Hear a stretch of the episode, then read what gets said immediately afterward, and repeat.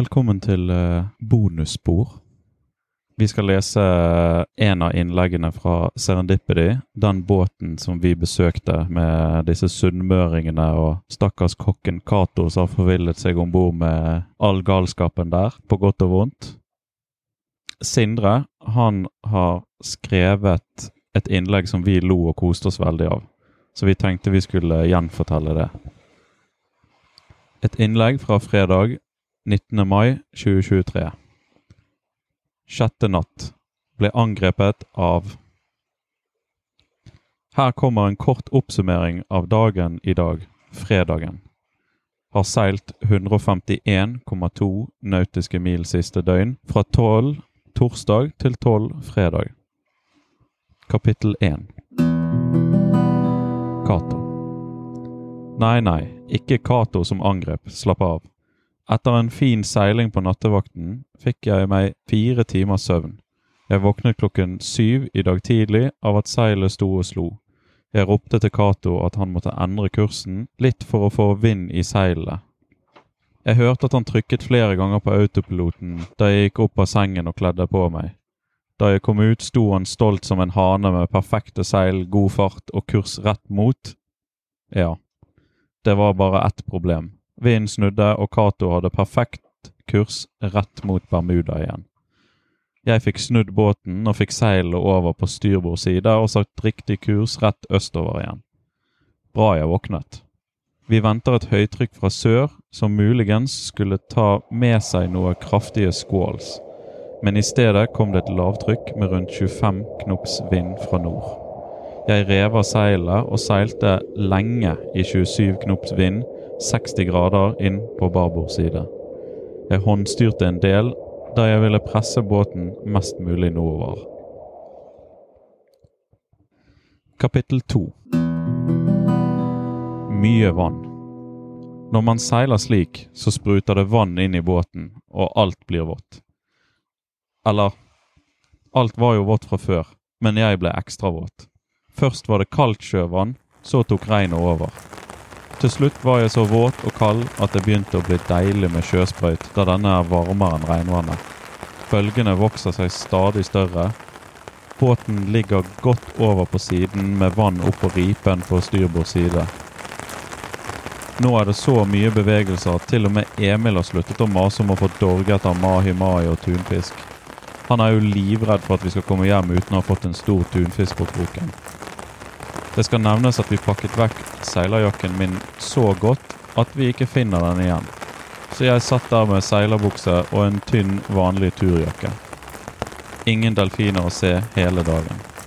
Regnet med de var misunnelige på meg da jeg var mer våt enn de.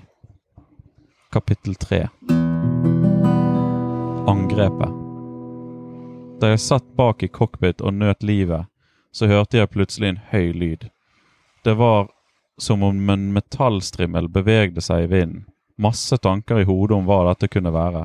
Var det nettet med appelsiner som Tanja handlet inn for å unngå kjørburk på veien over som hadde ramlet ned? Nei, det ville jo ikke lagd sånn lyd. Grillen og gummibåten hang de fortsatt der de skulle. Lyden fortsatte, og nå begynte jeg å bli presset fremover.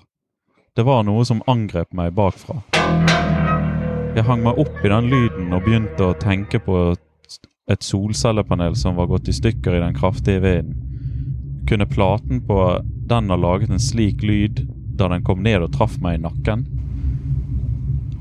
Er det ikke kvasse kanter på den? Ville den kutte meg i nakken? Hvorfor kjente jeg ingen smerte?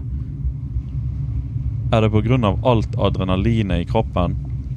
Masse tanker i hodet mens jeg stadig ble presset fremover Husk at dette skjer i løpet av få sekunder.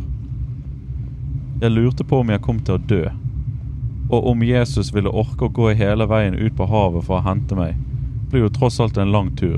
Så ble det helt stille. Var jeg død? Kapittel 4 Redningsvesten fra Redningsselskapet sitter faktisk mye bedre rundt nakken enn det de fra Regatta gjør.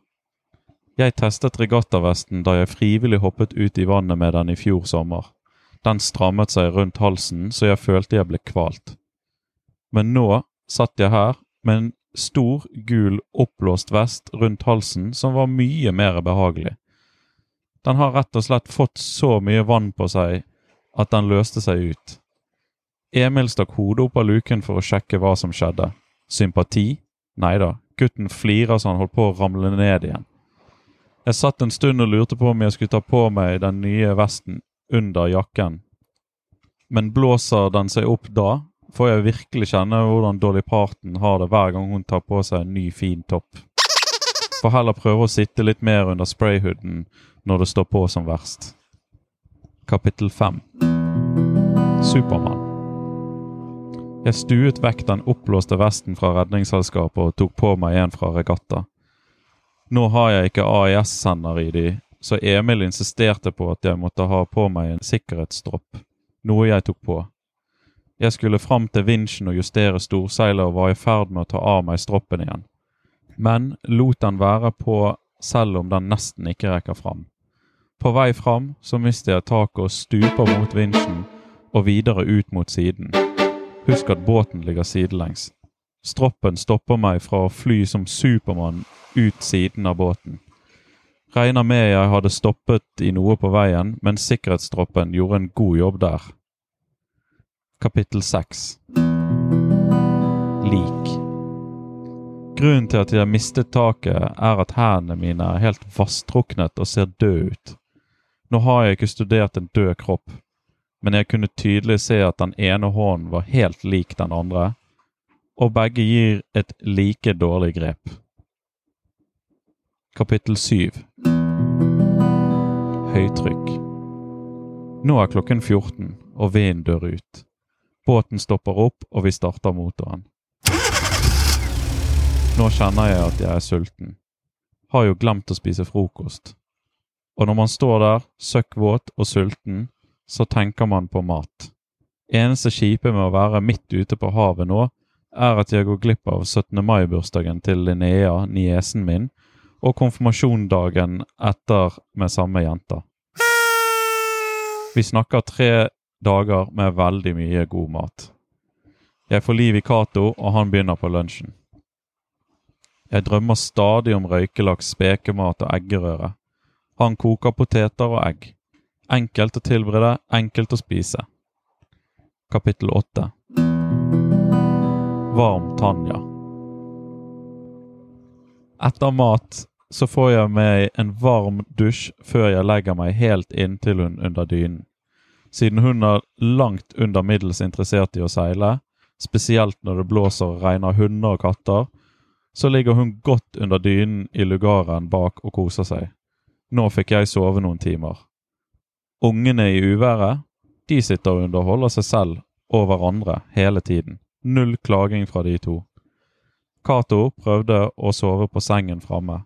Tror ikke det hadde vært stor forskjell om han hadde lagt seg under sengen der vi har montert vaskemaskinen er vel cirka samme følelsen. Kapittel 9 Kake Jeg leser at i de andre båtene lenger framme har disket opp med både kaker og boller i båten på 17. mai. Klarer vi å lage en kake, mon tro? Kransekake? Jeg tar fram tommestokk og måler høyden inni stekeovnen i båten. Altfor lav for en kransekake, så jeg slår fra meg den ideen. Vi har heller ikke den viktige ingrediensen om bord Smellbongbonger. Null kake. Får vente til vi kommer hjem. Snart halvveis, og humøret er på topp. Til tross for at jeg var kald og våt, så har jeg kost meg i dag. Deilig å kjenne på naturkreftene, og at båten oppfører seg så bra i sjøen. Snart halvveis. Ha en fortsatt fin dag, folkens. Hilsen Sindre.